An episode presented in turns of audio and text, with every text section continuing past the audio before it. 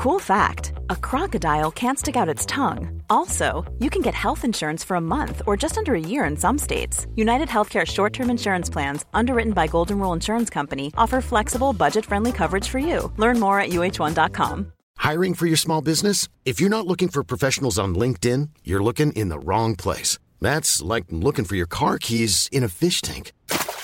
LinkedIn helps you hire professionals you can't find anywhere else, even those who aren't actively searching for a new job but might be open to the perfect role. In a given month, over 70% of LinkedIn users don't even visit other leading job sites. So start looking in the right place. With LinkedIn, you can hire professionals like a professional. Post your free job on linkedin.com slash people today.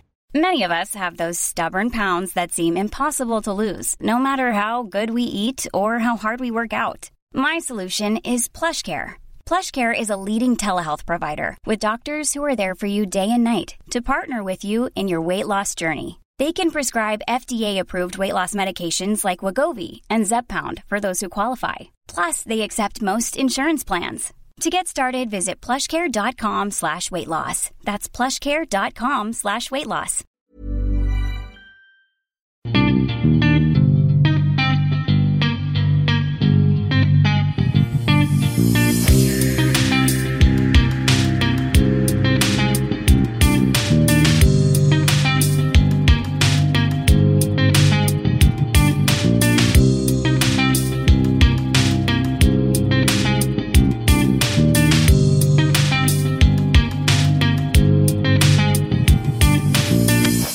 Ny säsong, nya avsnitt och den första gästen vi har med oss denna säsong i Duo SSL är ingen mindre än allas våran Silly-reporter Anders Borgström. Hur är läget? Eh, jo då, det är väl jättebra. Det var kul att få prata lite, prata lite innebandy igen. Det är ändå off-season här i, i maj och man, eh, man ska försöka att vila upp sig lite från innebandy, men det, det, är svårt. Det är mycket som händer också, så man, eh, man försöker hänga med och skriva en hel del också. Men även om man kanske främsta prio är att göra lite andra saker i innebandy och försöka vila upp sig lite. Men ja, det, jag tycker det, det är bra. Det har varit en härlig dag, härlig dag i solen här, så det har varit, eh, ja, men jag är taggad. Är det den lugnaste tiden på året eh, där för dig? Eller? Det är ju fortfarande ganska mycket silly season, framförallt på, på damsidan är vi ganska mycket under maj och så där. Eh, det är väl den lugnaste, är väl sommaren helt enkelt. Maj, kanske nej, juni, juli är väl kanske de lugnaste, så det är perfekt att ha lite, ha lite semester under juli. Vad brukar du göra då när du är ledig så att säga? Eh, ja, man får väl eh, ta igen mycket tid, för man, man är ju borta mycket framförallt under slutspelet. Man får ta igen mycket tid med, med familjen och sådana saker. Och det, ja, det här vanliga, man ska planera semester med, med barn, och, barn och fru och sådana grejer. Så det är väl ja, lite det Svenssonlivet man får leva där under sommaren. Ja, jag förstår. ja, vi, vi kommer, till, kommer till det här. Eh, vi ska börja med en faktaruta eh, som vanligt. Eh, det blir lite annorlunda nu i och med att du inte är en spelare, men det ska nog gå bra ändå. Jag tänker vi börjar med ålder. 38. Familj. Fru och två barn. Och sysselsättning då för de som inte har koll på det. Ja, vi jobbar ju som innebandyredaktörer på Expressen, är den som eh, sköter vår innebandybevakning och eh, väl inne på mitt, eh, om jag inte minns fel, blir det väl 14 året på Expressen nu, men det är ju som sagt andra säsongen eh, med innebandy där jag gör innebandy fullt ut. Annars är jag ju redaktör där jag jobbar med alla typer av, typer av sporter. Även om innebandy alltid liksom är min grej så har det ju varit, ja, det behövs mycket om fotboll och det behövs mycket, mycket hockey, men nu i de här två senaste åren har det varit väldigt, väldigt lyxigt när man bara har fått göra innebandy. Eh, första kontakten med innebandy för dig? Det var ju när jag började. Mm, jag har ju faktiskt, eh, det kanske kommer en fråga sen, nu kanske jag förstör lite, men jag har ju faktiskt aldrig spelat innebandy själv, så första kontakten för mig med innebandy var ju när jag pluggade på folkhögskola här i, eh, i Stockholm och Järfälla och vi gjorde en, en, en tidning, en, en liten lokaltidning där och eh, då var ju enda liksom, elitlaget där uppe var ju Järfälla Spiders i eh, elitserien då, var elitserien. Så vi skrev en artikel om dem. Eh, de hörde av sig och frågade vi behöver någon som skriver på vår hemsida. Skulle ni vara, eller det var jag och en annan kille, så skulle ni vara intresserade av det? Och han som jag skrev artikeln med, han var absolut inte intresserad av det, men jag började tänka att vad fan, jag har alltid velat bli sportjournalist och eh, jag kan ingenting om innebandy som Järfälla. Jag bor på andra sidan stan, det är Järfälla långt borta, men eh, jag tänker man måste få in sin fot någonstans sådär och eh, ja, så jag började skriva för Järfällas eh, eh, hemsida helt enkelt. Det var här 2004, 2005 den säsongen, så det var ju väldigt länge sedan, men det var väldigt, väldigt roligt också. Sen sen har det bara rullat på då. Sen har det, men det var i alla fall första, första kontakten med innebandyn 2004.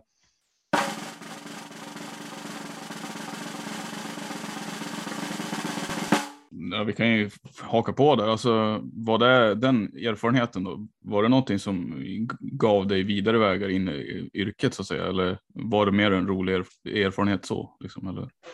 Nej, det var ju alltså. Jag har ju som sagt alltid. Jag la ju, ner, la ju ner verkligen hela min själ i det där uppdraget och det var liksom man åkte från från andra sidan Stockholm liksom med man har ingen bil på den tiden och så där och man satt och åkte buss och pendeltåg liksom för att gå på träningar och gå på alla matcher och sådana saker. Så det liksom la ner allt i det och så fick väl någon sorts någon sorts utdelning där när eh, man hörde från eh, från AIK med med Lasse Granqvist i spetsen tyckte att man gjorde ett bra jobb och att ville att de, att de skulle börja skriva för AIKs AIKs hemsida istället och eh, så jag gjorde faktiskt en övergång där, en liten eh, sillövergång där från Järfälla till AIK och började skriva för AIKs hemsida istället eh, och skrev ju där och då blev man väl ännu mer. Då var man ju redan där, kanske första andra säsongen så var man ju väldigt fast i innebandyn, tyckte det var väldigt, väldigt roligt. Så liksom, ju, med, ju mer man lär sig om spelare och sånt, desto roligare blir det såklart och eh, så efter det så skulle vi ha en praktik där från eh, skolan där jag pluggade samtidigt och då var det väl ganska jag hade en praktik, eller jag fick en praktik på ett, ett, ett sportmagasin faktiskt, men eh, precis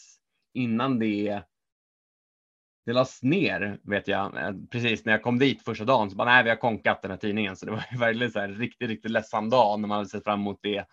Men på något sätt blev väl det positivt för då sökte jag mig vidare och lite andra praktikplatser. Då sökte jag på innebandymagasinet eh, och eh, fick en praktik där.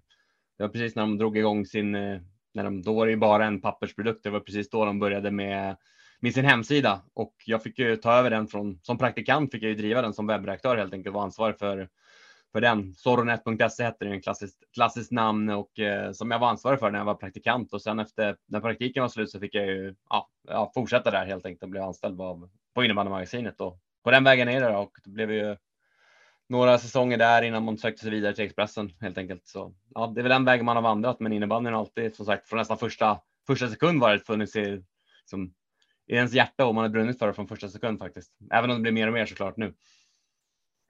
Ja, men det är det jag tänker också. Nu när det har blivit de, de senaste åren, liksom, har du kunnat njuta av det också? Eller blir det, när det blir så mycket mer arbete, hur känner du kring det? det... Ja, jag har verkligen kunnat njuta. Det har jag. Det var ju liksom en sjuk grej när jag fick höra att vi hade liksom köpt rättigheterna till alla Alltså alla SSL-matcher, att vi på Expressen ska sända det, för det alltid känns som någon sorts utopi när man är på Expressen. Man vet att det, det är så många sporter som har högre ranking och prioriteras högre. Det är ju som alltså innebandyn är ju så långt ner i den.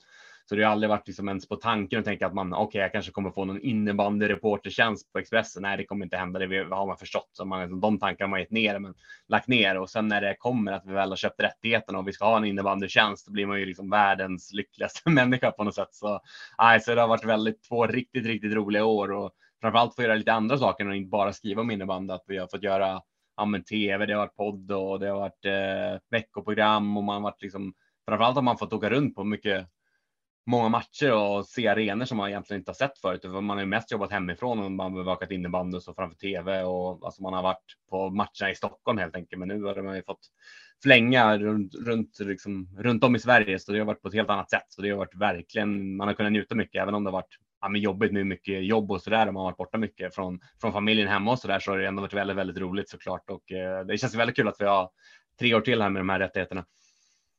Ja, men eh, jag tänker vi kan toucha vid det. Eh, den senaste säsongen då, hur, hur har den varit? Det kändes som att ni på Sportexpressen kanske försökte utveckla produkten lite mer än första året. Eh, hur, hur känner du att den har varit för egen del? Liksom?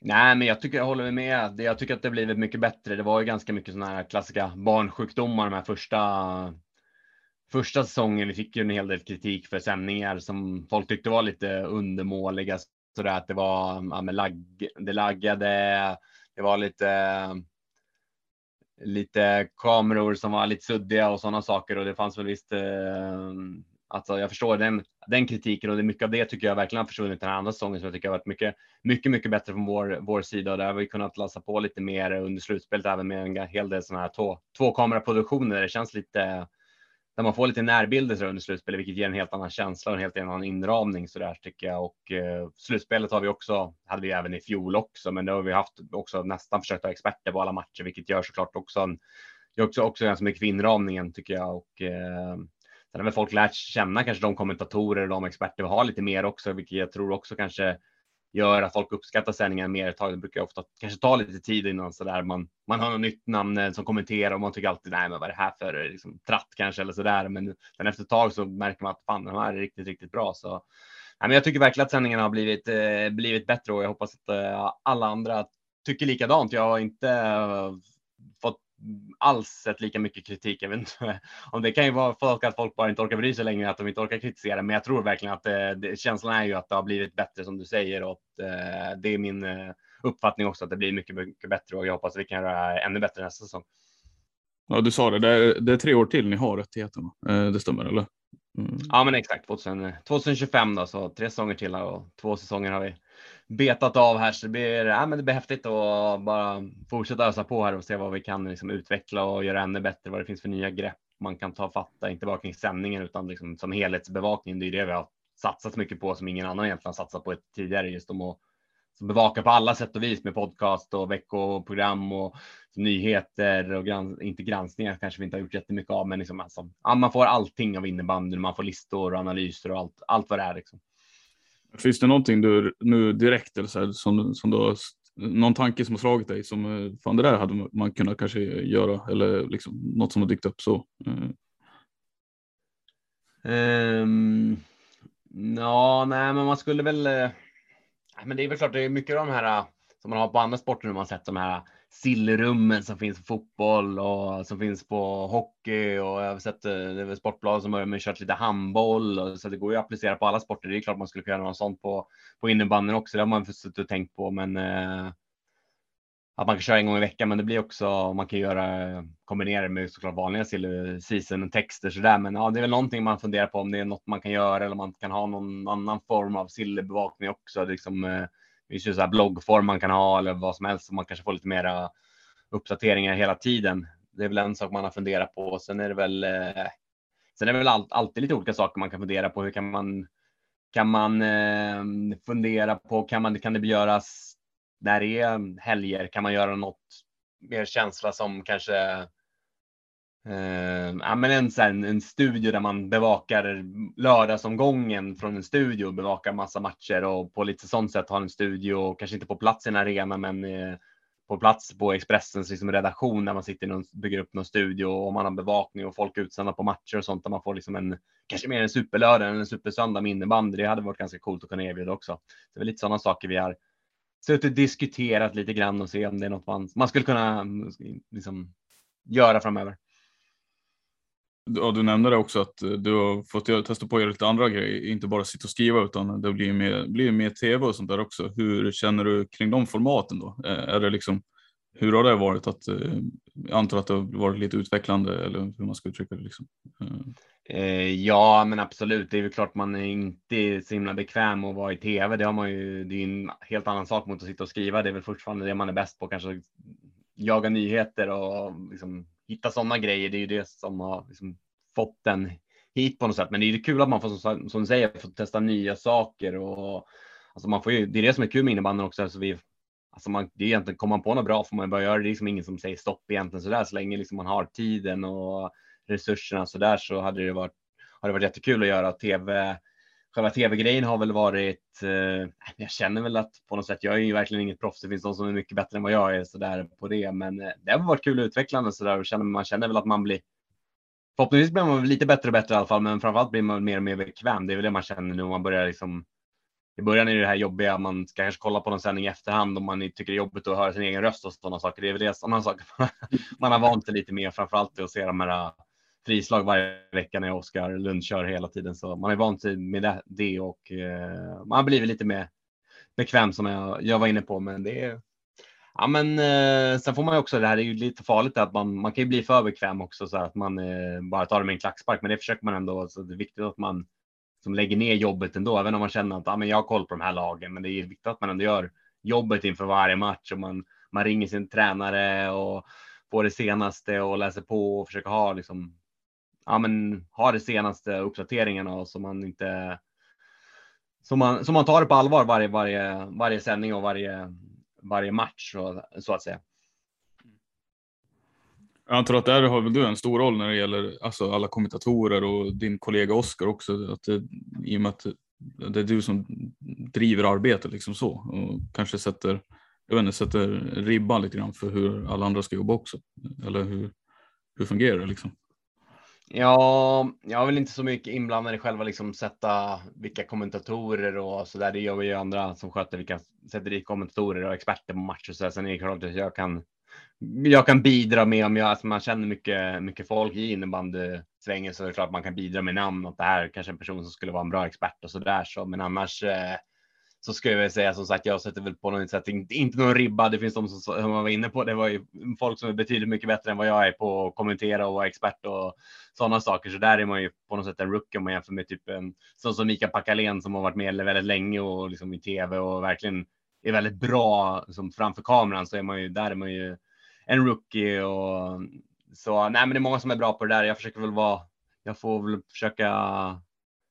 Eh, ja, man får försöka. Jag vet inte.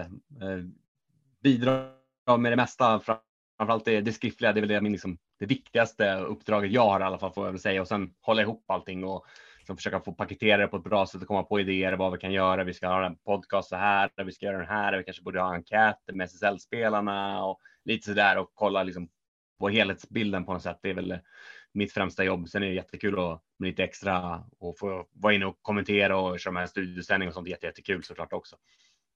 Ja, nej, men där känner jag verkligen att alltså, som sagt, alltså, paketering av produkten och alltså, SSL-bevakningen har ju blivit, eh, är ju faktiskt väldigt bra. Det, det ska man ju säga. Det, det, tror jag många håller med om också. Men jag tänker vi kan, vi kan knyta an till din tjänst då som, eller alltså din egentligen bakgrund som silly reporter och det här med att avslöja en massa värvningsnyheter som många andra eh, tycker om. Liksom. Eh, det är en stor grej. Eh, när började det för dig, liksom, att du började skriva sådana saker? Var det på innebandymagasinet då eller var det?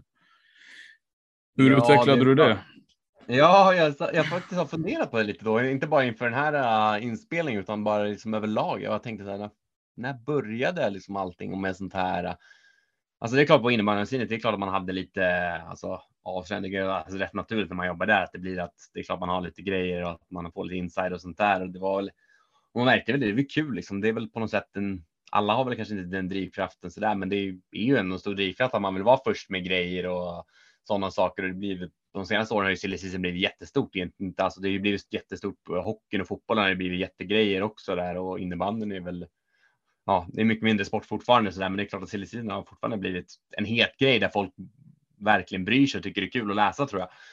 Eh, jag försöker fortfarande tänka på när man började med, alltså, alltså man har ju haft lite grejer hela tiden. Den första grejen var väl egentligen, Nu kommer jag inte ens ihåg av, men det var ju det där med när Rasmus Sundstedt tror jag gick till Storvreta var en ganska stor grej där när han liksom var kostade en halv, en halv mm. miljon mm. där och köpa loss från Caperi Täby. Där var man väl mm. ganska, hade man ganska mycket liksom inside och så där om den övergången och eh, där har jag för mig att jag hade en hel del artiklar. Sen avslöjade jag väl att det var klart också att det kostade 500 000 som är Storvreta la ut på honom. Så där har jag för mig eh, att det började lite grann där och då var det klart att det var väldigt kul och det var ju alltså lite innan nästan. Eller det var ju sociala medier också, men det var ju lite annat så här. Det var inte jätteviktigt så där och då fick man inte. Nu får man ju så här lite annan respons direkt när man när man skriver grejer och man lägger upp saker på Twitter och folk kanske om man lägger ut något så hör någon av sig direkt efteråt. Ah, den här killen, han är inte på väg bara dit han utan han är klar redan och så där. Utan så nu får man ju på något sätt lite mer personlig eh, relation med lite andra liksom, tipsare och kanske följare och så där som eh, kan höra av sig om tips och, och sådana saker. Så på något sätt har det varit kanske sociala medier har hjälpt till på något sätt att eh, göra så att har man lite har man lite avslöjande och sillenheter så får man lite mer. Eh, det blir lättare att bekräfta dem då. Man får mer hjälp hela tiden. Mm. Har, får du en större kick också då? Eller alltså jag tänker när folk kan reagera på, på det direkt liksom om man lägger ut någonting. Eller... Det är nog inte himla mycket så här kick av att liksom folk reagerar på det. Det är väl mer att klart man, det är klart man är nöjd. Det liksom, man vet ju vilka grejer som är som är stora, vilka namn det är som är stora, vilka övergångar som är stora. Det är väl klart att det är de som är klart det man, det roligaste att avslöja sådana saker. Sen kanske beror jag nog inte så himla mycket om på hur många som liksom reagerar på det. Det är så här. Um, men det är också roligt. Det roliga grejen är också lite de här grejerna som man. Man kan avslöja där nej, men folk inte riktigt tror på det, för det känns bara osannolikt att det ska vara så. Och så får man ändå så här, folk börjar säga, men det där stämmer inte. Och så är det liksom, man börjar kanske, man kanske blir lite orolig någon gång, så här, fan det kanske inte stämmer. Det verkar, folk verkar tycka att den här kommer nog inte stämma, men så när det väl slår in sen så är det ganska skön känsla också så där att eh, ja, men fan, det här var så liksom, osannolik övergång att folk inte ens trodde på det, att folk ingen hade hört talas om det innan liksom. Så då är det väl klart. Det är väl inga kickar, men det är klart att de känner blir man väl extra liksom nöjd så där att eh, ja, men vad det är kul när det, det kan överraska folk, inte bara de här okej, okay, givna övergången till exempel. Så, nej, men så, så mycket sådana saker är det väl eh, klart att eh, nej, men det är kul med silly season. Man brinner för det mer och mer som som man var inne på med att eh, skriva mycket så blir det på något sätt så här kanske att ha någon och silly rykte så kanske det blir så kanske på något sätt. Då blir det väl ofta det här. Ah, vem ska man ha av sig till? Då kanske det liksom nu när man har syns sig så mycket så kanske man de minns ens namn så de kanske vet att ah, men vi har av oss till Anders Borgström för att han brukar skriva mycket om det här till exempel. Så det är väl ganska på så sätt är det väl ganska, ganska tacksamt förhoppningsvis att man får, får lite nya rykten på den saken. att folk tycker att man gör ett, eh, ett okej okay jobb i alla fall. Att de vill bidra med och hjälpa till med lite mer rykten och spännande saker man kan hugga tag i. Det du var inne på tidigare, det ledde in på en annan fråga jag tänkte på. Det här när du avslöjar någonting som vissa kanske inte riktigt eh, tror på eller så här, har hängt med på. Eh, har det lett till att hamnar du liksom i onåd hos vissa jag vet inte, föreningsanknutna personer då liksom, eller har det varit något sådant tillfälle där ett avslöjande har blivit eh, lätt till liksom tjafs eller dålig stämning? Eh, ja, bra fråga. Eh, det har inte hänt så jättemånga gånger faktiskt ändå. Ehm, jag vet att det var någon gång. Jag är väldigt dålig på att komma ihåg så gamla grejer. Alltså jag det.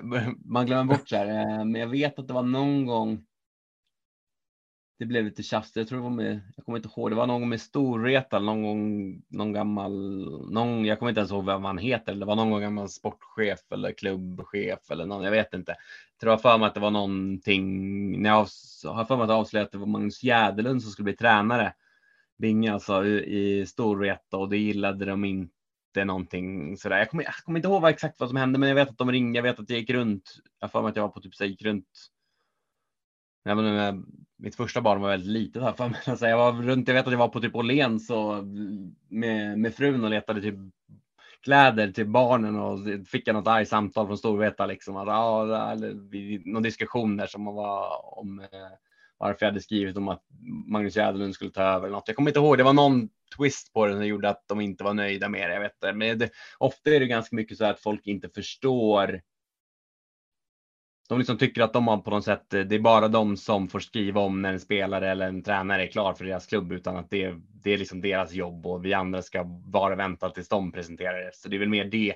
Så jag tror att det är mer att nu börjar folk ha lite bättre förståelse på att eh, det, det kan läcka ut och att det får, det får, får vara okej okay ändå, liksom att det är vi gör bara vårt jobb ändå. Det är inte, vi försöker inte sabba för någon eller så där, utan det är ja, hör man att någon är klar, varför ska man inte skriva om det då helt enkelt? Det är ju så här, ja, då får väl eh, så det är lite sånt. Jag tycker att det är kul att ha, se så klubbrepresentanter och spelare liksom har bättre förståelse för det än vad de hade förut och de vet att, eh, hur det funkar helt enkelt och att det, så, det är väl egentligen bara bra om man skriver om det innan. Så blir lite, lite snack om det och det blir ändå som sagt. Det blir officiellt på samma sätt eh, när klubben går ut med det. Det är då det först är liksom klart, klart, klart, klart liksom så där och innan är det det blir ju på något sätt att ja, det stämmer nog förmodligen, men det, vi vill väl kanske vänta och se tills klubben är eh, tills klubben presenterat också. Då hamnar det i de här eh, sammanställningar av klara övergångar in, klara övergångar ut. Liksom. Det är först då det är. Men sen förstår jag väl också att det är kul om klubbarna har någon någon bomb de vill släppa. Att det är kul att att de briserar den själva också ibland sådär. Men jag, jag tycker ja, att det blir roligt att det, att man har bättre förståelse för varandra på något sätt. Jag förstår hur de jobbar. Jag förstår att när man ringer och frågar är du klar och de är jätteklara för en klubb att de kommer dementera. Jag förstår det liksom att de kommer säga att nej, jag är inte klar även om de är jätteklara och, då får, och de har förståelse på något sätt för mig eller andra som skriver om det att vi kommer skriva att det är klart även om de dementerar, även om klubben inte har gjort, gjort, gått ut med det. Liksom. Så det är liksom sådär ge och ta lite. Men du upplever att folk, eller det har blivit, växt fram en större förståelse ändå för respektive yrkes, eller så här, yrkesrollerna, eller alltså det här förhållandet mellan klubbar och journalister? Ja, men jag tycker det. Jag tycker att det är ändå ett bra, ett bra sunt förhållande mellan, mellan klubbar och eh, och oss journalister. Det är det som är kul med innebandyn. Det är ju på något sätt spelare och tränare och ledare och sånt. De gillar ju liksom på något sätt. De flesta i alla fall, majoriteten, 99 procent gillar ju på något sätt när man ringer ändå och tycker det är kul att få surra liksom. Och de bjuder ju till och på så sätt är det väl.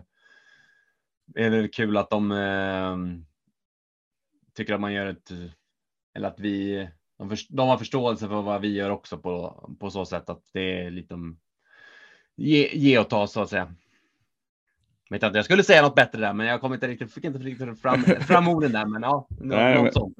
Nej, men det blir, jag tror det är tydligt ändå. Uh, jag tänkte på det du sa om Rasmus Sundstedt, där, där med att när det blev klart, då var det över tio år sedan. Uh, något sånt måste det vara. Det är i alla fall långt tillbaka i tiden. Men jag tänkte ja, då. Det kan man ju googla här lite snabbt. Jag kommer, ja, det måste ju vara lite längre sedan. Exakt. Ja, men exakt 2012 var det ja. Exakt tio år sedan. Exakt. Det var bra Oj, vilket jubileum. Ja, nej, men eh, jag tänkte på det vid den tidpunkten när det blev klart. Alltså, det var ju, det var inte så konstigt att vad de betalade blev ju offentligt. Jag, jag upplever att ett sånt fokus har inte lagts på så här övergångssummor sen dess liksom på en spelare. Eller är ute och cyklar för att, eller vad beror det på liksom? För, för då var det så jättestor alltså, grej. Att... Siffror, det handlar om vilka man liksom lyckas luska fram. Det var väl med Kim Nilsson när han blev den dyraste spelaren. Då lyckades man väl luska fram det till slut. Och när Tobias Gustafsson gick också från Linköping till Storvreta fick man väl fram summan här för mig.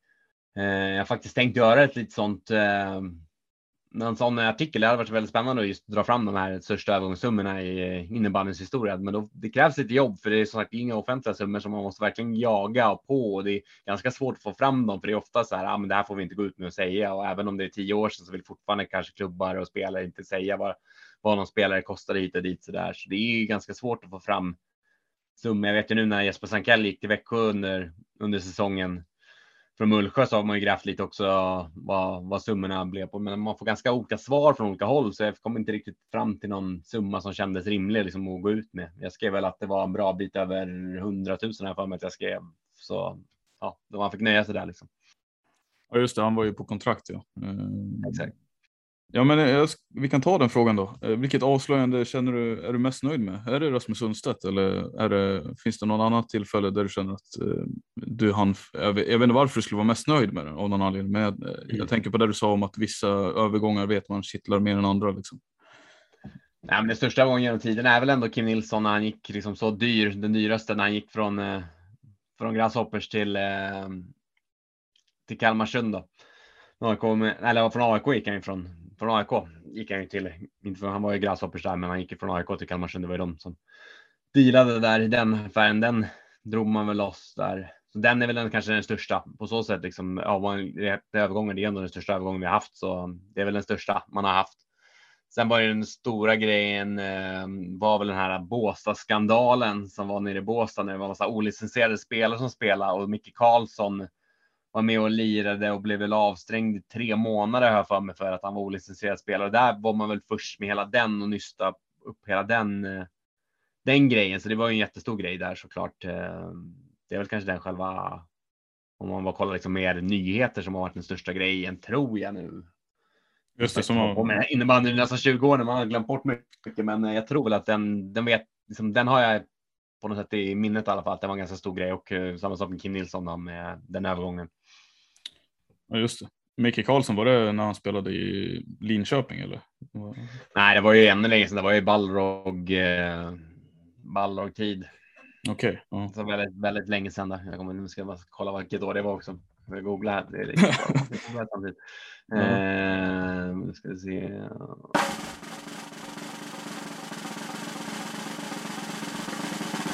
väldigt dålig på. Här, och 2007 var det till och med. Ja, det var nog eh, exakt. Ja, men det var ju när jag var till och med på innebandymagasinet där på den tiden. Exakt. Mm. Det var väldigt länge sedan. Mm. Det var ju, blev ju så här en jättegrej. Det var jättemånga, ja, många som blev avstängda till slut. Så det var en riktig härva. Men ja, ja, jag vet inte om vi ska gå in på det, men alltså, det var en träningsturnering eller vad, vad handlar det om? Ja, men de körde ju så här Båsta, många liksom, elitserielagen på den tiden var ju nere i Båstad och körde på Centercourten var ju så här innebandyturnering där man spelade och det var ju liksom man var ju tvungen att vara registrerad för lagen ändå och då var det en massa folk som inte bara hade hunnit bli registrerade för sina nya klubbar men spelade för sina nya klubbar och därav blev det massa strul. Typ. Okay. Mm. Ja, Eh, man får passa sig. För, för ja. men, men, det känns ju också slarvigt gjort då, på något sätt av föreningarna. Eller alltså vad man ska. Ja, nu, ja, nu ska jag inte gå in på för mycket vad det var för grejer eller vem som liksom slarvade med vad, för jag kommer inte ihåg exakt alla detaljer så där, men det var ju, ja, äh, det blev, ja, det blev ett väldigt trist efterspel efter en, det, det årets turnering i alla fall. Det var ändå ganska trevligt så att turnering. Folk, det var kul. Man satt i solgasset och bevakade det där och folk hade liksom, ja, det var ändå helt okej okay, alltså kvalitet på turneringen ibland också så där var det klart många, många spelare var, var på plats också för att det var ganska bra med party på kvällarna såklart. Men, eh, men ja, det var bra innebandy också. Ja, du var där och bevakade också eller? Jag var där nog ett år tror jag för innebandymagasinets räkning tror jag jag var där. Har för mig. Och då var det okay. i alla fall solen sken. Sen kanske det inte var lika roligt när det var spöregn, men. Nej, nej, men vad fan, det regnar ju aldrig i Båstad eller det, det är poängen med att åka dit. Vad fan. Det är alltid sol. Exakt. Nej, men eh, jag tänkte på det motsatta då. Det, istället för någon, någonting som du är nöjd med. Finns det någonting du helt har fått ångra liksom? Någon sån publicering? Eh, det här borde man ju ha koll på om det har hänt, tänker jag. Ja, men det var ju någon Ja, det var ju någon. Jag kommer inte ihåg vad det var. Jo, det var ju någon. Eh, nu googlar jag igen här. Nej, men jag skrev en grej, det var 2013 här, som jag vet jag skrev. Skrev om David Rytters, tjeckiska keepern i Helsingborg. Han hade fått helt fel, felaktiga summor av vad han tjänade i månaden. Jag skrev att han, eh, att han tjänade över 50 000 kronor i månaden under säsongen, eller att han tjänade 50 000 kronor i månaden under säsongen. Men det var ju summor som inte var stämde fick jag reda på sen efteråt. Så det var väl en eh, Helsingborg fick. Ryan Reynolds here from Mint Mobile. With the price of just about everything going up during inflation, we thought we'd bring our prices down. So to help us, we brought in a reverse auctioneer, which is apparently a thing. Mint Mobile unlimited premium wireless. Ready to get 30, 30, bit to get 30, bit to get 20, 20, 20, bit to get 20, 20, bit to get 15, 15, 15, 15 just 15 bucks a month. So, Give it a try at mintmobile.com/switch. slash $45 up front for 3 months plus taxes and fees. Promo for new customers for limited time. Unlimited more than 40 gigabytes per month slows. Full terms at mintmobile.com. Mom deserves the best, and there's no better place to shop for Mother's Day than Whole Foods Market. They're your destination for unbeatable savings, from premium gifts to show-stopping flowers and irresistible desserts. Start by saving 33% with Prime on all body care and candles. Then get a 15-stem bunch of tulips for just $9.99 each with Prime. Round out Mom's menu with festive rosé, irresistible berry chantilly cake, and more special treats. Come celebrate Mother's Day at Whole Foods Market. Ja, Kent-Göran som var manager på den tiden fick. Det finns ingen substans i summorna, de är tagna ur luften. Och även men, Rytters var också dementerade informationen om min lön. Det finns ingen sanning i det liksom så där och det blev ju. Det blev lite tråkigt. Det blir också lite känsligt när det är så här man lön och det blir lite. Det blir på något sätt, eh, har man inte haft 50 000 i det blir så att man, folk kan tro att man är kräsen eller folk kan tro att det blir svårt att värva honom för att han är van att tjäna 50 000 kronor i månaden när det liksom inte stämmer. Så det är alltid lite därför jag har försökt ja, överlag bara nu man var lite känslig med vad, att skriva om folks löner och så här, alltså summor och sådana saker. Sen är det alltid så mycket vad ja, de tjänar så här mycket, men då ingår det här och de får en lägenhet, de får en bil, så det är alltid lite svårt att veta så här, så här, fasta summor vad en, vad en spelare tjänar. Men det är väl en sak som jag kände väl så här, va? men det blev fel när man skrev en, en sån grej liksom, så. Mm. Det blev inget bra där, men annars så. Det är klart det finns liksom fel man har skrivit någon gång, kanske någon spelare som har varit klar någon gång så det kanske inte har varit klart liksom. Men eh, man försöker att inte, inte skriva så om man inte verkligen har på fötterna och så där och försöka. Alltså vi ändå mycket när man handlar om det jobbet man gör så handlar det ganska mycket om förtroende, att folk inte, att man inte ska bara liksom höfta utan folk ska veta att skriver jag att någon är klart, även om spelare dementerar och klubbar dementerar så ska ändå folk veta att ja, men Anders Borgström brukar ju ha koll. Jag tror inte han skulle skriva det kanske om det inte var klart ändå, så där som man försöker jobba upp så att folk känner något för förtroende för det man skriver, att man inte, man vet att man inte bara sitter och slänger sig med saker åt höger och vänster och bara gissar och lite sådär. Så det får man jobba ganska mycket på, så därför är det ganska viktigt känner jag just att försöka inte ha för många sådana där vad man ska säga, missar i, liksom, i ryggsäcken, även om det är omöjligt att inte gå på liksom, lite, lite dumma grejer och göra lite fel steg så där ibland. Det får man nog nästan räkna med när man, man har kört många år. Men, ja, men det där var en sån grej som inte blev bra med Rytters helt enkelt. Så den, den har man ju helst haft ogjord såklart. Ja, det, det, förstår jag. Men, men jag tänkte på var kommer liksom dina tips ifrån? Jag antar att det kommer ganska mycket. Eller får du sortera mycket och sådär? Hur, hur ser det ut på den biten? Ja, alltså det kommer väl från alla möjliga håll. Ibland får man ju tips från liksom, alltså folk man inte ens vet vilka det är. Ibland kan man ju få liksom, alltså mail från vem, alltså du vet inte vem det är, det är någon som är anonym. Men ibland förstår man ju ändå den personen har väldigt mycket koll och man förstår att det här är på riktigt ändå, så man får ändå kolla upp det på andra håll och så där. Men så det är ju som, alltså, jag skulle säga det kan komma från vad som helst egentligen. Så, alltså nu, alltså visst man sitter på Twitter, ibland kan man bara höra av sig folk som man inte vet. Sen är det alltid det här att man får ju värdera. Det är klart att någon hör av sig första gången, då får man ju alltid så här. Sen har man ju andra som man verkligen så här. Ja, men den här personen har stenkoll. Säger den här personen att det är eh, är klart så är det klart för den personen. Den brukar aldrig ha fel typ och så där. Den vet har bra insyn här och där och sådana saker. Medan andra, om det är någon som hör av sig första gången så är det klart att man måste mer syna lite och säga ja, men hur? Hur ser det ut med det här? Stämmer det här verkligen? Eller är det någon som bara är liksom sugen för att det är kul att tipsa eller som sådär. Och sen, men sen märker man ju någon som har väldigt mycket detaljer om någonting så tänker man att det förmodligen stämmer. Det är ju så här. Men det är alltid så här, man får ta det lite, man får fundera lite fram och tillbaka. Sen är det ju mycket, det är ju inte som att allt blir servat heller. Det är mycket man får ju alltså hålla igång mycket kontakter och höra sig för av vad har hört om det här och lite mycket sånt där också såklart. Och, mm, men jag har hört det här. Vad, är det något, har du är det något du kan bekräfta eller så där? Så man får ju höra det hörs för mycket själv. Det är inte som att allt, allt bara kommer liksom. Någon bäddar sängen åt en så där och alltid bara ligger och väntar massa härliga rykten som man kan och skriva så där. Så man, man får jobba på, jobba ganska mycket och just att man får ju ligga i med ganska mycket och det är inte.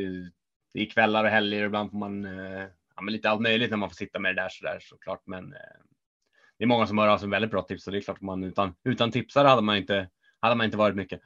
Nej, jag tänkte, jag tänkte på det här, men, eh, är det, men det låter som att det är ganska ofta ändå, det, vad ska man säga, det ligger något korn av eh, sanning i de här grejerna. Så det är, det är sällan liksom du når en död eh, återvändsgränd eller någonting. Liksom. Nej, nej, men så är det nog. Det är nog sällan det är liksom. Eh, alltså, ibland kan det väl vara, men det är, ofta, det är väl ofta det här liksom ingen rök utan utan eld. Så där att det det finns alltid någonting. Sen kan det ju vara liksom att någon har fått någonting om bakfoten så att det är ändå helt tvärt emot vad den personen skrev till mig till exempel så där så kan det ju mm -hmm. verkligen mm. kolla det. Men det är väl som ja, men lite så kan det vara att det alltid finns någonting. Det är högst precis inte någon som kommer någon helt galna grejer. Det har väl säkert hänt, men inte ofta. Det är oftare någonting man känner så här, men det här kan jag ändå börja alltså kolla upp så där eller liksom luska vidare i så sagt. Sen får man väl alltid. Men det är så här man ska hinna göra prioriteringar också. Vad vad är det hetaste just nu och vad, vad ska jag hugga tag i? Så därför ibland när det alltså silly blir det, aldrig, det blir alltid för mycket. Så på så sätt kunde det vara bra som när jag pratade om lite med sillrummet, rummet att man skulle kunna ha som för att liksom paketera mycket i samma. För det är ju ganska mycket ibland man, man eh, som dyker upp samtidigt. Jag tänker det måste varit svårt när du jobb, när du inte hade det som i renodlad tjänst också att liksom vara tvungen att du sysslade med andra grejer samtidigt. Det, det måste varit fan, du, du måste varit tillfällen du känt att det här skulle jag ändå vilja fått med på något sätt, men kanske inte hunnit. Eller? Ja, jätte, jättejobbigt när man vet att man får en jättebra tips som man bara vill hugga tag i direkt, men man vet att man måste skriva om fyra fotbollsmatcher och skidor och allt det är innan och man vet att ja, jag måste vänta med det åtta, om åtta timmar. Då har jag tagit tag i det här, så då har det ju varit. Ja, men det har varit jätte. Man har liksom typ inte kunnat jobba för man bara vill hugga tag i det, men man måste ändå på något sätt göra det man ska göra. Man måste göra rätt prio liksom. Så där på så sätt har det varit skönt nu när det varit innebandy för då kan man verkligen eh, prioritera det. Ja, det direkt om det kommer någonting, även om eh, det har ju varit också så här, visst får man ett bra silly tips men man har en eh, studiosändning om fem timmar så är det klart att då måste man ju fokusera på studiosändningen och se till att den blir så bra som möjligt. För det är ju såklart det är viktigare än det där silly tipset också, så man får ju på ett sätt prioritera lite sådär också. Mm. Men eh, den här eh, våren då, nu efter att, eller ja, ja det, du jobbar ju ständigt tänkte jag säga, liksom. men inför nästa säsong, eh, finns det något eh, som du redan har publicerat som du känner, fan det här var spännande? Alltså något som har hänt då? Ja, men det bästa får väl vara, alltså den i år är väl ändå när Måns Parsjö gick till, till Storvreta var väl den stora grejen där. Det var ju klart så tidigt också. Det var väl i januari redan man skrev något om det, var jag för mig. Eh, så det var ju klart att det var en, eh, en bra bomb då. Så just med, så skapade det ju ganska mycket turbulens där i Storvreta också. Det var klart att det inte eh, det är väl inte det man tänk, tänkte direkt att det skulle hända. Så man hade ju tog ju för givet att Clinton skulle ha varit eh, att han, hade han visst om det, det tog jag för givet om när man tänkte så här, ja, men har jag liksom, har uppgiften nått mitt bord på något sätt, borde de ha nått Viktor Klintstens bord kan man tycka liksom. Men eh, nej, så det var väl en ganska stor grej och som sagt eh, en stor övergång och sen som sagt blev det ju svallvågor efteråt med allt vad det var med Klinsen var förbannad och tog timeout och allt vad det var och kom tillbaka och så där. Så det var väl en, en stor grej i år får man väl säga och, ehm, och det är väl kanske ja, kollar man på listan nu så är det väl kanske, jag gjorde ju någon lista här för här veckan, då var det väl den jag lyfte fram i alla fall som den bästa, bästa övergången eh, inför nästa säsong där vi en klass, klassmålvakten får in Storvreta såklart. Så det har varit en, en, en stor grej får man väl säga av de silly knäck man har gjort den här säsongen. Men rent då, om vi bortser från silly season, alltså innebandymässigt, blev du förvånad när du fick höra att eh, det var på väg att hända eller att det hade hänt liksom? Aha, jag tänker med sin bakgrund i Falun och, och sådär. Att han, att han skulle hamna där då. Ja, lite så. Man har ändå hört lite om Falun och sådär, men eh, sen förstod jag liksom så här, man, han kommer inte hamna i Falun och då börjar man fundera på så här, men alltså, ja, då finns det inte många klubbar kvar och då kommer han hamna i Storvreta liksom sådär. Men eh, det känner vi inte att det var någon överraskning. Så man vet ju att eh, ja, men man har förstått att både han och alltså sambon också att de liksom kollar på helhetsperspektivet, det här klassiska att det liksom ska, man vill ha jobb och så. Det är klart att man, så det är klart att det finns en större marknad av eh, alltså rätt typ av jobb i Uppsala kontra liksom Falun. Så på så sätt kändes det också ganska, kanske som en logisk flytt. Och så är det som sagt Klintsten, eh, ja, ren är också på slutet av sin karriär såklart, men eh, men Klintsten där om han eh, slutar ju taget liksom en säsong i taget och när han eh, då och fanns möjligheten då för Storvreta att plocka in Måns eh, Borghetinera och det är klart att de, de måste, ta, måste ta den chansen såklart. Det, så, annars kanske, låt säga att han har gått till Falun istället skriver på ett treårskontrakt så är det på något sätt eh, köra på Måns Borghetinera om Klinsten lägger av. Så det är klart att eh, de var på något sätt, må, något sätt tvungna att plocka in eh, där och när de visste att Klinsten ja, hade något eller ett par år kvar bara. Finns det några klubbar eller spelare du håller lite extra koll nu på för liksom, övergångsmässigt? Något, något tänkbara som, saker som skulle kunna hända? Eller? Ja, men jag funderade på lite idag. Det är ju lite så här, det är ju med herrarna är ju, om vi kollar här sidan först så är det ju där är ju mycket klart så mycket tidigare. När det är SM-finaler så är det ju, känns det som att då är liksom 75 procent av silly klar redan. Medan på på damsidan har det bara precis börjat när det är finalerna, så där är det ju ganska. Det märker man nu. Det är ganska mycket, nästan mer. Det är mycket mer damgrejer som händer nu än vad det är herrarna. Så börjar kännas ganska så här klara. Det finns. Och sen finns det fortfarande lite intressanta spår med typ så här Kim Ganevik. Då, hur, blir det med han den här säsongen som kommer? Eh, vi har väl en, eh, om jag inte missar något, Niklas Ramirez är väl fortfarande inte klar från någon klubb. Eh, tror han har inte signat nytt med Växjö än där. Eh, Just det, han vill. Om, eh, det är Stockholm, som, det är Stockholm som är intressant där va? Eller? Ja, han har väl uttryckt lite intresse för att flytta tillbaka till, eh, till Stockholm. Man får väl se om man kan nog kanske blir nog kanske ändå kvar i Växjö. Får vi se. Men ja, det är väl lite eh, Marcus Johansson där om comebacken som eh, lär bli av där i, i Kalmarsund. Det är väl några grejer där och på damsidan är väl ganska mycket kvar. Ehm, ska vi säga. Det är liksom från turnégruppen har man ju egentligen inte hört någonting än så länge. Så här, det är lite nyförvärv så där, men annars är ju ingenting. Eh, ja, så har ju, Jocke Sjöström har ju, har ju sagt att eh, de flesta blir kvar så där. Ehm, Vera Kauppi, Anna Kauppi, Delgado Johansson, eh, Sofia Joelsson och alla, ja, Emelie Wibron och alla blir kvar egentligen, men det är inte liksom kommit ut något offent, off, officiellt så där att det, det blir kvar att de har signat nytt kontrakt så Kauppi, alltså Kauppi-systrarna sitter ju fortfarande kontraktslösa inför nästa säsong och eh, Baserat är... på, förlåt, baserat på dina tidigare erfarenheter då, drar du några slutsatser av det eller liksom avvaktar du situationen bara eller? Nej, ja, men jag, ja, Kauppi-systrarna kommer ju spela Thorengruppen. men jag skulle bli otroligt, otroligt chockad om de inte spelade där, så det, jag tror jag bara är. Ja, men dels för att det ska ju förhandlas om alla, alla kontrakten De man fick en större budget av Thorengruppen och eh, så många kontrakt ska ju förhandlas om, eh, bättre förutsättningar där. Samtidigt är ju Jocke Sjöström både sportchef både på herr och damsidan, så det är ganska mycket att, att stå i. Plus att han varit assisterande tränare nu också på, på damlaget också, så jag kanske blir att det blir. Det blir lite senare, så då han har fått vad han förstått har jag fått ganska mycket liksom muntliga, ja, muntliga överenskommelser. Han sitter väl ganska lugnt i båten så där, men det är väl klart att man vill ha det på papper också så där. Men det är väl några spelare som kommer försvinna från Thorengruppen, men de kommer ju vara med tanke på att Pixbo har tappat en hel del spelare så kommer ju Thorengruppen vara stora favoriter på på damsidan nästa säsong utan utan tvekan.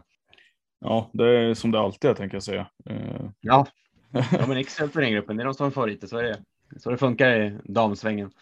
Ja, eh, på här sidan har det luckrats upp lite vill jag ändå påstå. Eller hur känner du där? Mm. Jag satt faktiskt idag och eh, bara funderade på det. Är ju, alltså det är ju, ser det på över liksom på pappret av dem, om vi ser på slutspelslagen. Den här säsongen så är det ju egentligen, jag skulle ju bara säga. Ja, jag räknar ändå in att Marcus Johansson kommer ansluta till Kalmarsund så skulle jag bara säga att Kalmarsund är egentligen det enda laget som jag tycker känns bättre än förra säsongen eller förra säsongen än den säsongen som var precis här. Ser jag liksom till Storvreta så har ju de värvat bra, men samtidigt är det ju spelare som, som fyller. Alltså Måns Parsjötén ska ersätta Klintsten. Vi har liksom Rasmus Andersson ska ersätta Nilsbert. Vi har Filip Björk ska ersätta Viktor Andersson. Så det är på något sätt liksom väldigt viktiga kulturbärare som har försvunnit, även om eh, det är väldigt, väldigt bra spelare som ersätter också. Så liksom Vreta Det kanske på, ja, ligger på samma nivå ungefär som i fjol. Falun. På pappret så har de ju Amadel Dibe in, Magnus Jansson ut, så i så fall på pappret så är det väl kanske lite svagare på backsidan. Samtidigt har de unga spelare som kommer bättre, så Falun kommer ju förmodligen också vara liksom, ja, typ lika bra, kanske lite bättre till och med. Linköping tycker jag är värvat väldigt bra eh, och kan ju förmodligen vara bättre. Där är ju det som är intressant. Där är ju liksom Leo. Leo Torell Hagström. Hur? Eh, hur mycket kommer han saknas i målet? Det är väl det man ställer sig ställer sig frågan och i eh, Växjö skulle också kunna vara bättre med André Andersson in, men där är också lite osäkert kring som Niklas Ramirez. Det är också snack om liksom Marcus Jonsson har en ny Ska man kommer han gå dit? Det vet man inte riktigt än så där. Jag tror inte han kommer gå dit för sig, men det är också så här. Så det är inte så många lag som känns som. Kollar man på Pixbo, de känns liksom lika bra. Mullsjö har tappat mycket. Även om Kim Ganevik försvinner också ännu, ännu mer så var Dalen har jättemycket. Helsingborg har ju tappat i Jonathan Nilsson så det är ju alltså ganska många lag som känns svagare mot eh, och väl ganska få lag som känns bättre. Mm. Ja, men då tänker jag när serien var ganska jämn som den var förra året och så blir det svårt att kanske peka ut en rak etta, även om Falun eh, och Kalmarsund är en av favoriterna. Ja, nej, Falun kommer väl vara jättestora favoriter igen, precis som i, som i år. Det skulle jag nog säga. Sen eh, där bakom blir det lite spännande som sagt med vissa lag som har blivit eh, lite bättre och vissa lag som har blivit betydligt sämre. Så det blir ju verkligen så här. Det öppnar sig lite när både Mullsjö och Dalen känns betydligt som Mullsjö. Alltså, det är svårt. De Mullsjö har lite mycket nyförvärv och så där som inte riktigt vet vad de går för sådär, men de har ju väldigt tunga tapp. Liksom Kasper Hedlund och försvinner Kim Ganevik också så är det jätte, jättejobbigt för Mullsjö skulle jag säga. Då är det inte. Då blir de betydligt sämre lag än vad de har, vad de har varit. Så um, tråkigt på något sätt och Dalen. Ja, de räknar väl alltid ut, men de lyckas alltid få ihop det på något sätt. Men på något sätt kan de inte klara hur många tapp som helst. Så där blir det också jobbigt så där, även om de säkert lyckas med några nyförvärv så där som uh, kommer slå igenom så blir det väl uh, ja, men kan bli lite jobbiga säsonger för Mullsjö och Dalen så där. Då får vi säga att vi fortfarande inte helt klart vad vi har för trupper så där, men i nuläget så ser det lite så ut i alla fall. Vad ger det nykomlingarna eh, AIK och Gävle för, för chanser? Eller ja, om vi börjar med herrarna. Det finns ju nykomlingar i damernas sida också. Ja, men exakt. Om vi kollar herrarna först så är det ju. Nej, men det är väl AIK, Gävle, Hagunda som kommer slåss om. Eh, ja, det är ju två av de tre lagen som kommer åka ut. Det är jag väl ganska säker på. Men det är också som sagt, vi vet ju inte vad de får in liksom högst plötsligt. Eh, ja, Gävle har väl inte presenterat en ny förare än så länge som sagt och men Gävle och AIK känns ju. Ja, svaga. Det är just för att eh, det finns inte så mycket lag där och liksom. Hagunda känns ju som sagt de skulle kunna. Liksom som har som någon sorts eh, räddningsplanka så där. Jönköping har ju ändå visserligen tappat Filip Björk liksom sådär, men eh, alltså det är spännande förstärkningar i hela Lerum Lerumformationen, Melking Hemingberg så där, så jag tror ändå Jönköping känns ganska. De kommer ju inte åka ur, så det finns ju väldigt. Nej, svårt där i botten och Thorengruppen är ju, skulle vi säga, kanske lika bra som i fjol ungefär, så kommer vi säkert slåss om någon slåss om slutspelsplatser där såklart eh, och kan säkert gå till slutspel. Eh, så det är ju Hagunda, Gävle och AIK där som är längst ner och det handlar ju lite om kan AIK få in Magnus Jansson till exempel i en viktig pjäs och så där och vad kan Gävle få in? Kan de få in Alexander Rudd? Jag vet inte. Han har ju sagt att han inte vill spela i Gävle, men jag vet inte. Vi får väl se. Så det kan ju vara lite sådana saker som alltså kastar om ganska mycket, men jag är ändå svårt att se att de ska Ja, de kommer ju kunna klara sig kvar kanske alltså på Hagundas bekostnad, men mer än så tror jag ju absolut inte. Högre upp än så kommer de inte komma. Ja. Och damerna då?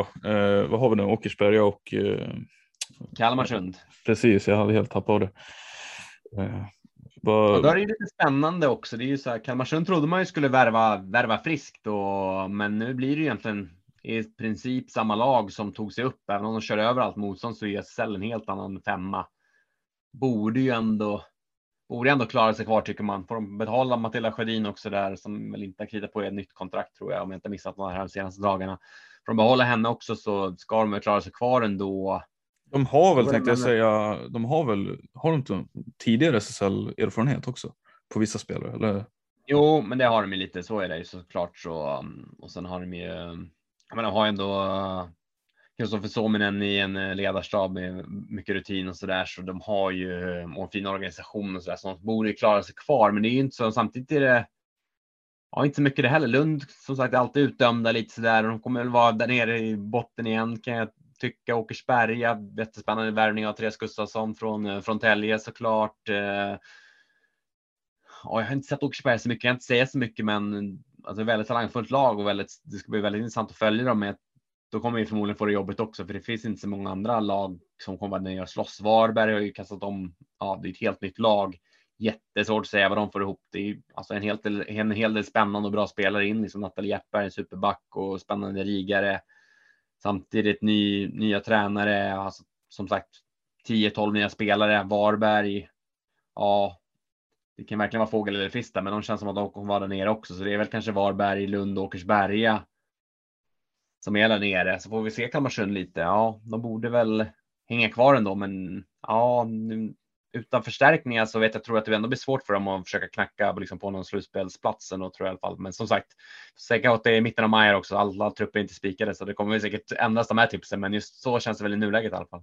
Men det var det jag tänkte om, om, om det finns något kring de här fyra nykomlingarna som du hör, alltså något speciellt eh, rykte. Eh, som sagt, Gävle borde ju vilja förstärka, eller ja, alla borde ju vilja mm. försöka förbättra lagen. Eh, det är det jag tänker om, om man har något spännande. Men, men eh, ja, jag vet inte om vad Nej, det är klart att det kommer lite spännande. Det kommer någon så här tips. Man kommer lite tips om att Kim Gane ska spela med AIK och sådana här saker med tanke på att han har flyttat upp till Stockholm nu sommaren. Så det är ganska alltså, alltså, givet att det kommer lite sånt snack. Det kom ju lite snack här om förra säsongen om att eller tidigare säsongen att han skulle spela i Djurgården också för att han började träffa träffat en, liksom en tjej uppe i, i Stockholm. Så det kommer ju de där ryktena. Men det är alltså Kim Warnevik skrev ändå på ett nytt kontrakt och han säger ju själv att han det är Mullsjön ska spela ingen annanstans. Men det är klart att det är alltid lite kittlande när det kommer sådana här rykten om tänk om Kim Warnevik skulle dyka upp i en, ett AIK. Det är ju alltså, det gör ju ganska stor skillnad för ett AIK såklart.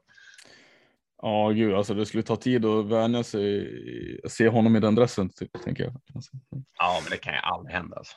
Det tror jag inte. Men det hade varit en, en sjuk, det hade varit en sjuk bomb, men eh, ja, han känns så mycket Mullsjö. Så. Men Mange Jansson då, är det hans civila situation? Är det, bor han i Stockholm eller var, varför vill, ska han tillbaka dit? Då? Han har väl en, som jag förstått det rätt, en flickvän som spelar fotboll i Brommapojkarna tror jag. Och eh, ja, de har väl haft ett distansförhållande när han varit uppe i Falun, så det är väl därför han ska väl till Stockholm nu tror jag väl att han kommer flytta till Stockholm i alla fall, så då ligger väl AIK nära till hands med tanke på att han spelat där tidigare. Så. Ja, just mm. Ja, men du. Eh, men det är jättebra. Alltså när man ändå har det på tråden vill man ju fråga alla de här grejerna. Eller det är så mycket man eh, är nyfiken på liksom. Men eh, jag vet inte, hur, hur upplever du det? Men jag, för mig känns det som att det i det här, bland de som gör innebandy egentligen, det är typ ni innebandymagasinet och ja, nu vet jag knappt ens. Det finns egentligen inga fler som gör det på det sättet i den skalan. Liksom. Eh, men konkurrensen är i alla fall inte stor tänkte jag säga. Eh, upplever du det som att är det svårt att liksom pusha på och driva? För just nu känns det som att det är Sportexpressen som driver utvecklingen vad gäller innebandyövervakning. Eh, ja, det finns väldigt många lokaltidningar som gör ett bra jobb såklart, men det, mm, det är väldigt kul att se såklart. Men det är ju, det är ju tyvärr, det blir lite så. Det är väl på något sätt baksidan kanske av att eh, ja, men det blir ju lite så när en, en tidning sänder blir ju också att när vi och typ säger att vi är Sportbladet, vi är så tydliga konkurrenter, så när vi har köpt innebandyrättigheter blir det typ som att ja, Sportbladet är ju ännu mindre innebandy. De vill så här, göra så lite innebandy det bara går till exempel. Så det är väl lite. De har ju bandrättigheterna. Jag vet inte hur mycket bandy vi har skrivit den här säsongen, så det blir lite så där att eh, visst.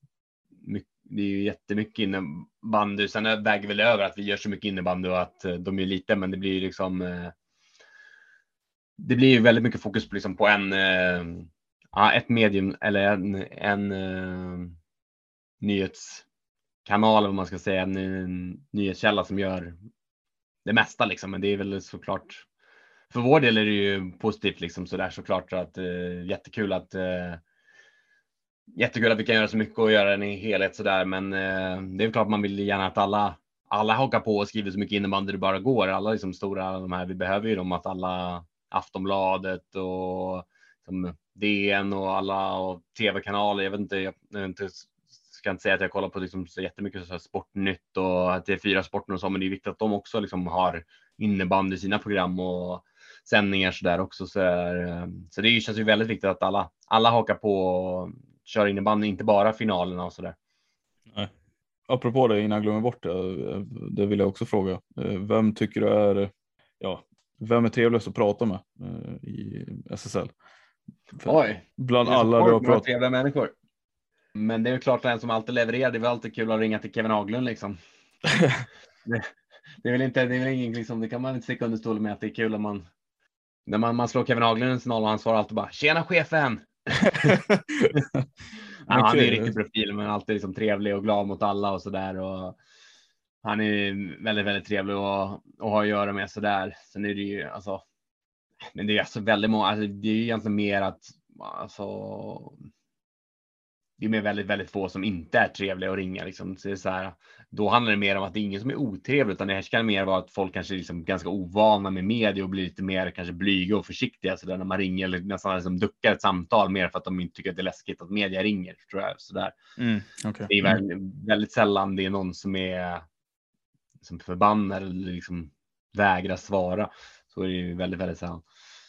Så nej, men Kevin Haglund är väl den som kommer upp direkt när du frågar sådär. Men sen som sagt vill jag slå slag för att alla är väldigt, väldigt trevliga och har att göra med väldigt enkla. Liksom så här, får man inte tag i någon, skicka med sms och säger jag försöker få tag i dig, då hör de oftast av sig.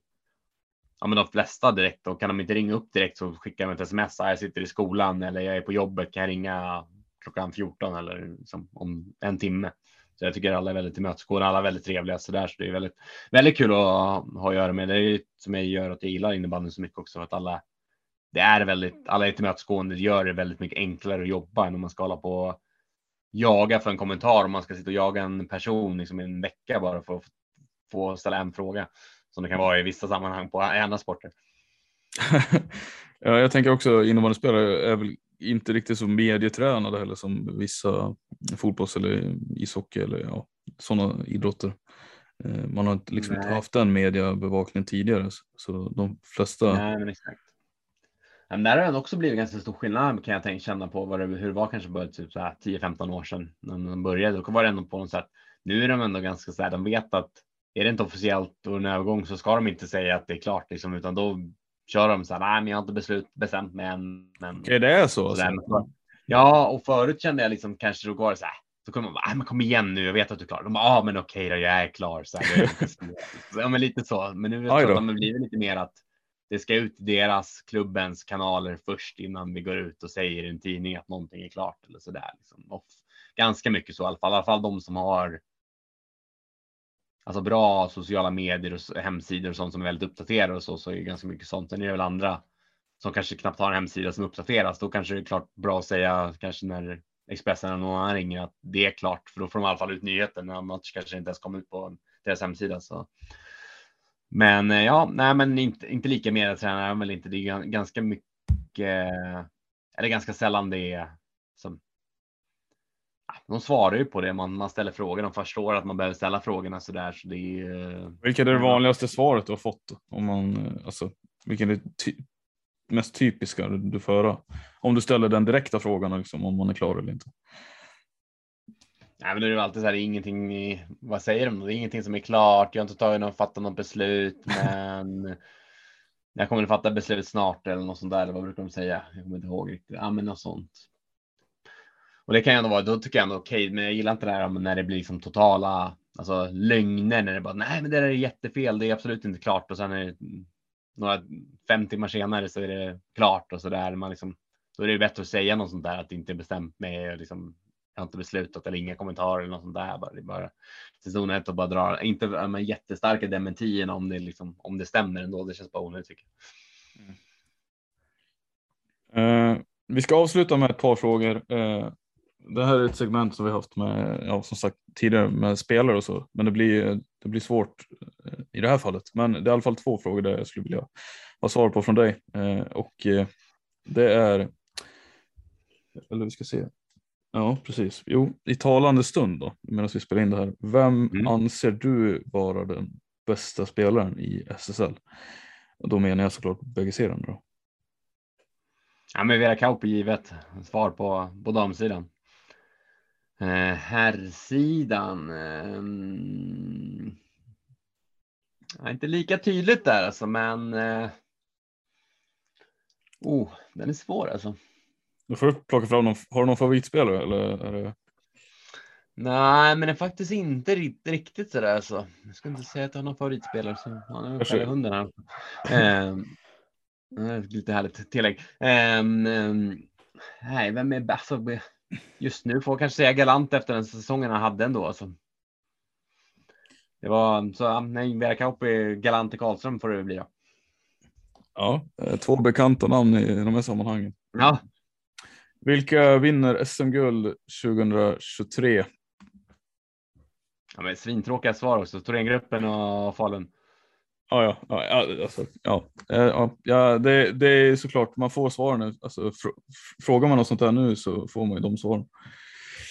Det är, det är säkert de svaren du kommer få också om du frågar det när säsongen börjar tror jag. Så det kommer inte ändras, men, men ja, det känns lite, lite tråkigt ändå. Man vill gärna att det ska vara något nytt som man kan eh, det var roligare att kanske säga Kalmarsund och Faluns damer liksom. Ja, men Faluns damer ser väl ändå ut att kunna vara på Alltså, de har väl ett projekt. Alltså, det är inte så många som man, jag tycker man kan säga har ett projekt eller någonting, men de har väl ändå någon slags framåt-anda. Eh, känns det mm. som. Ja, men kul. Ja, Jenny Axelsson i kanonvärden i målet här nu var ju tungt avbräck med Patricia Forsella som eh, lämnar. Det var ju ett riktigt eh, oväntat eh, avbräck. Så får vi se lite vad de kan lasta in för nyförvärv. Ja, just det. Ja, för när vi pratade, vi pratade med Johan Fahlström och då lät det som att han nästan hade räknat in henne i truppen, även om det inte var klart. Eh, så Nej, exakt. Det, här. det hade man gjort. Ja, ja. ja. ja men eh, du, Anders, tack för att du har varit med. Eh, klockan har närmat sig en bit över tio. Jag vet inte om man orkar lyssna mer på mig nu heller. Alltså.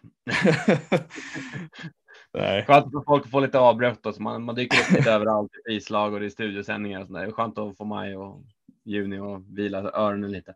Ja, folk bara yes nu är SM-finalen och nu slipper vi lyssna på eller se hans röst och så bara nej fan han dyker upp ändå. ja men exakt, ja, men jag kände att jag behövde prata om mig lite här nu under maj här. Man har inte pratat så mycket innebandy här men. Nej, jag förstår det, men det tackar såklart vi för. Eh, hoppas att det har varit till glädje för lyssnare också. Ja, ni vet ju vart ni hittar oss. Det är Spotify eller, eller andra podcastspelare. Eh, stort tack ska ni ha. Vi hörs igen nästa vecka.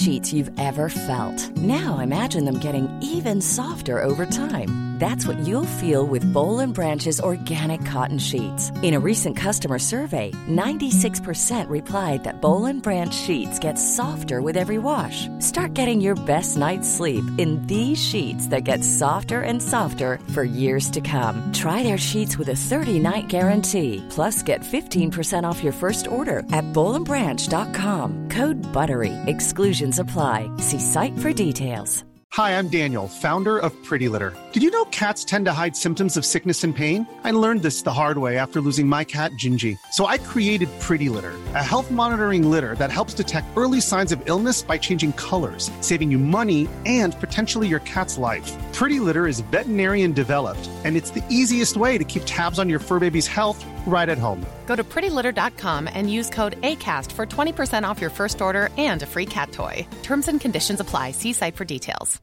Planning for your next trip?